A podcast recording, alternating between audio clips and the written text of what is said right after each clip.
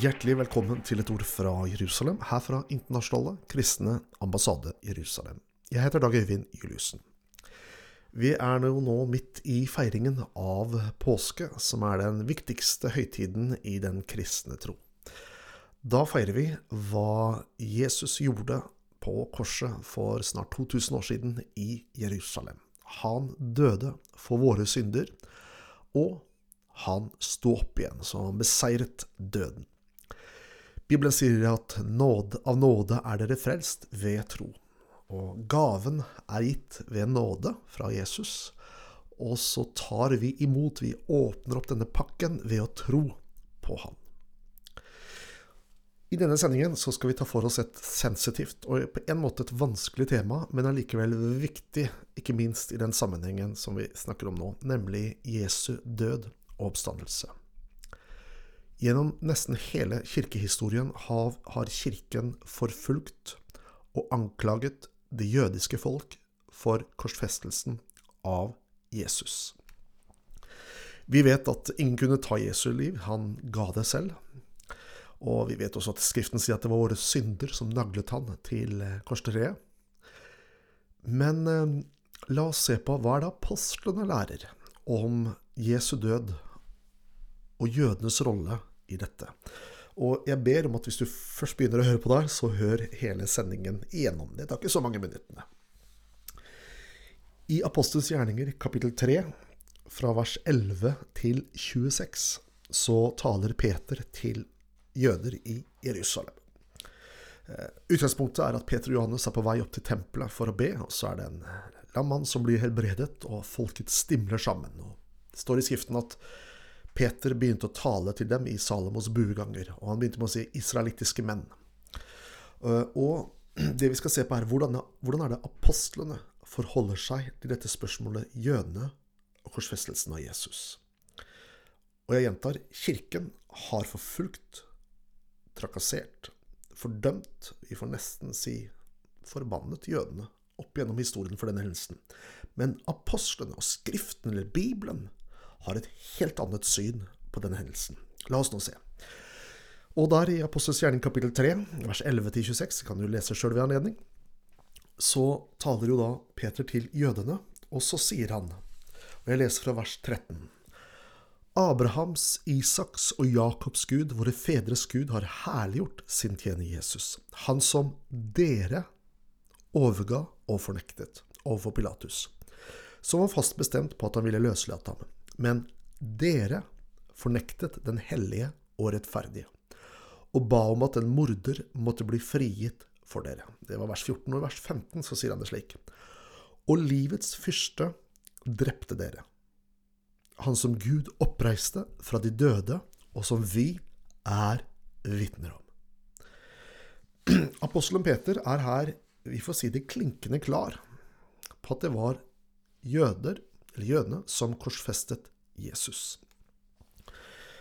Lærer vi noe annet, så lærer vi ikke hva Bibelen sier, egentlig. Selv om vi vet at det var romerske soldater som gjennomførte det. Vi var også delaktige som, som menneskehet, for det var våre synder han bar, så, så vi var delaktige, absolutt. Men Bibelen lærer oss at det var det jødiske folket som korsfestet ham. Og nå skal vi se. Hvordan forholder Peter seg etter å ha pekt på disse hendelsene, eller denne hendelsen, og sier rett ut at og livets fyrste drepte dere. Hva, hva, sier han så videre til jødefolket, som, jødene som hører på han? La oss høre hva han sier her. Vers 15, en gang til. Og livets fyrste drepte dere, han som Gud oppreiste fra de døde, og som vi er vitner om. Og så sier han videre, i vers 17, og hør godt etter. Og nå, brødre, vet jeg at dere gjorde det i uvitenhet, slik også rådsherren deres gjorde. Ganske interessant. Han begynner ikke med å si 'Å nå dere vantro slekt', eller 'nå dere vrange mennesker'. Nei, han sier 'Å nå, brødre, vet jeg at dere gjorde det i uvitenhet, slik også deres gjorde'. Han slår altså fast at han anklager ikke jødene. I, stedet så omfavner han dem ved å omtale dem som sine egne brødre. Og igjen, han peker på at det ble gjort i uvitenhet. Så jeg hadde nær sagt bare Kirken hadde lest dette verset, i historien, hvor Peter omfavner jøder etter å ha pekt på at de korsfestet Jesus. Men det ser ut som dette har kirken hoppet bukk over, og isteden så har man, skulle man selv gjennom historien straffe jødene for det som fant sted. Men Paulus, nei, unnskyld, Peter han stopper ikke opp der. Han går videre. Og hør hva han sier nå, i vers 18. Men det som Gud har forkynt på forhånd ved alle sine profeters munn, at Kristus skulle lide, det har han oppfylt på denne måten. Jeg leser det ordet en gang til. Men det som Gud har forkynt på forhånd, ved alle sine profeters munn, at Kristus skulle lide, det har han oppfylt på denne måten. Her sier Peter rett ut at Jesu død, Jesu lidelse på korset, som profetene talte om, det oppfylte Gud på den måten som det fant sted, nemlig ved at jødene korsfestet Jesus. Så han, han skylder ikke på jødene, han peker bare på at dette er Guds plan, og at Gud selv oppfylte korsfestelsen av Jesu, Jesu død oppstandelse, ved at jødene korsfestet Jesus. Det er en fantastisk annerledes måte å se og forstå denne historien på enn det som har, vært, enn det som har preget kirkehistorien i århundrer oppover, og som utallige jøder har fått unngjelde i generasjoner etter generasjoner opp til vår tid. Det, sier, det Peter sier her, er at jødene er Guds redskap for at Jesus skulle dø på korset. Skriften sier jo også at det var eh, at, at Gud i Kristus Jesus forsonte verden med seg selv. Og måten han gjorde det på, det var jo nettopp ved å bruke det jødiske folk. Nå skal vi høre på en sang som vi også sendte i forrige sending, og den har nettopp blitt sluppet. Og det er sangen av Astrid Tveitan, som både låtskriver og sanger. Og den heter 'Crucified'. Makes my heart tremble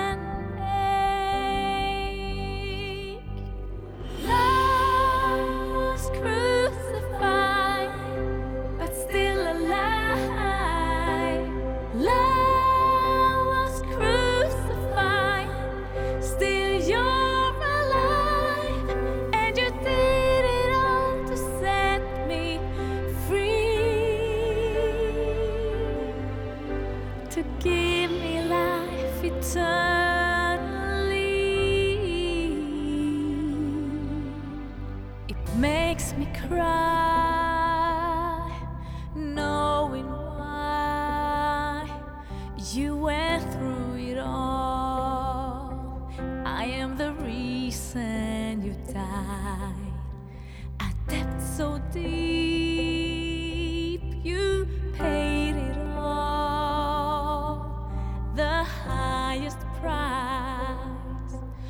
your own blood you sacrificed.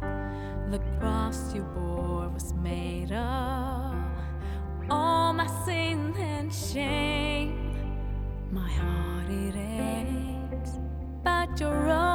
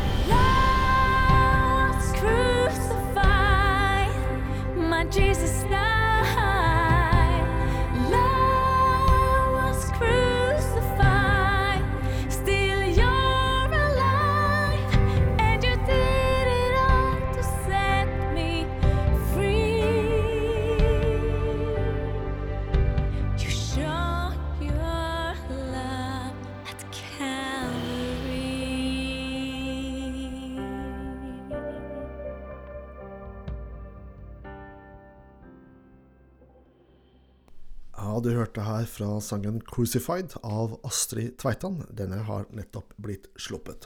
Og vi snakker om korsfestelsen av Jesus og jødenes rolle i denne prosessen, og hvordan Bibelen ser på dette. Og ikke bare Peter omfavner det jødiske folket i kjølvannet av korsfestelsen. Paulus gjør akkurat det samme, og det er dette han understreker i Romerbrevet kapittel 11, hvor han underviser grundig om det jødiske folket. Han sier i vers 11 har de jødene snublet for at de skulle falle? På ingen måte, sier han, men ved deres overtredelse er frelsen kommet til hedningefolkene. Altså ved at de falt, har vi fått muligheten til å bli reist opp. Vers 12 så sier han, hvis nå deres fall er blitt til rikdom for verden. Vers 15, for om deres, altså jødenes forkastelse, er til forlikelse eller forsoning for verden. Vers 28 sier ifølge evangeliet er de fiender for deres skyld, altså vår skyld. Men ifølge utvelgelsen er de elsket for fedrenes skyld, for Guds nådegaver og kall kan ikke tas tilbake. Og i vers 30 så sier han det slik, for på samme måte som dere en gang var ulydige mot Gud, men nå likevel har fått miskunn ved deres, altså jødenes, ulydighet. Så det vi må forstå, det er at Gud oppfylte sin plan ved at jødene korsfestet Jesus. Til frelse for menneskeheten. Når Jesus sier at frelsen kommer fra jødene, så går dette rett i kjernen av det som fant sted i påskehøytiden. Så istedenfor å gjøre som kirken har gjort gjennom historien, og forfølge det jødiske folk og anklage dem, så skulle vi tvert imot takke dem for at de ga oss et sonoffer som døde for våre synder. De blir en prest for menneskeheten idet de ropte 'korsfest, korsfest'. Så la oss velsigne dette folket, og vi står i gjeld til dem, slik som Paulus sier i Romerbrevet kapittel 15 og vers 27. ønsker deg en velsignet god påske videre. Du har lyttet til et ord fra Jerusalem, fra Internasjonale kristne ambassade i Jerusalem. Jeg heter Dag Øyvind Juliussen. Alt godt.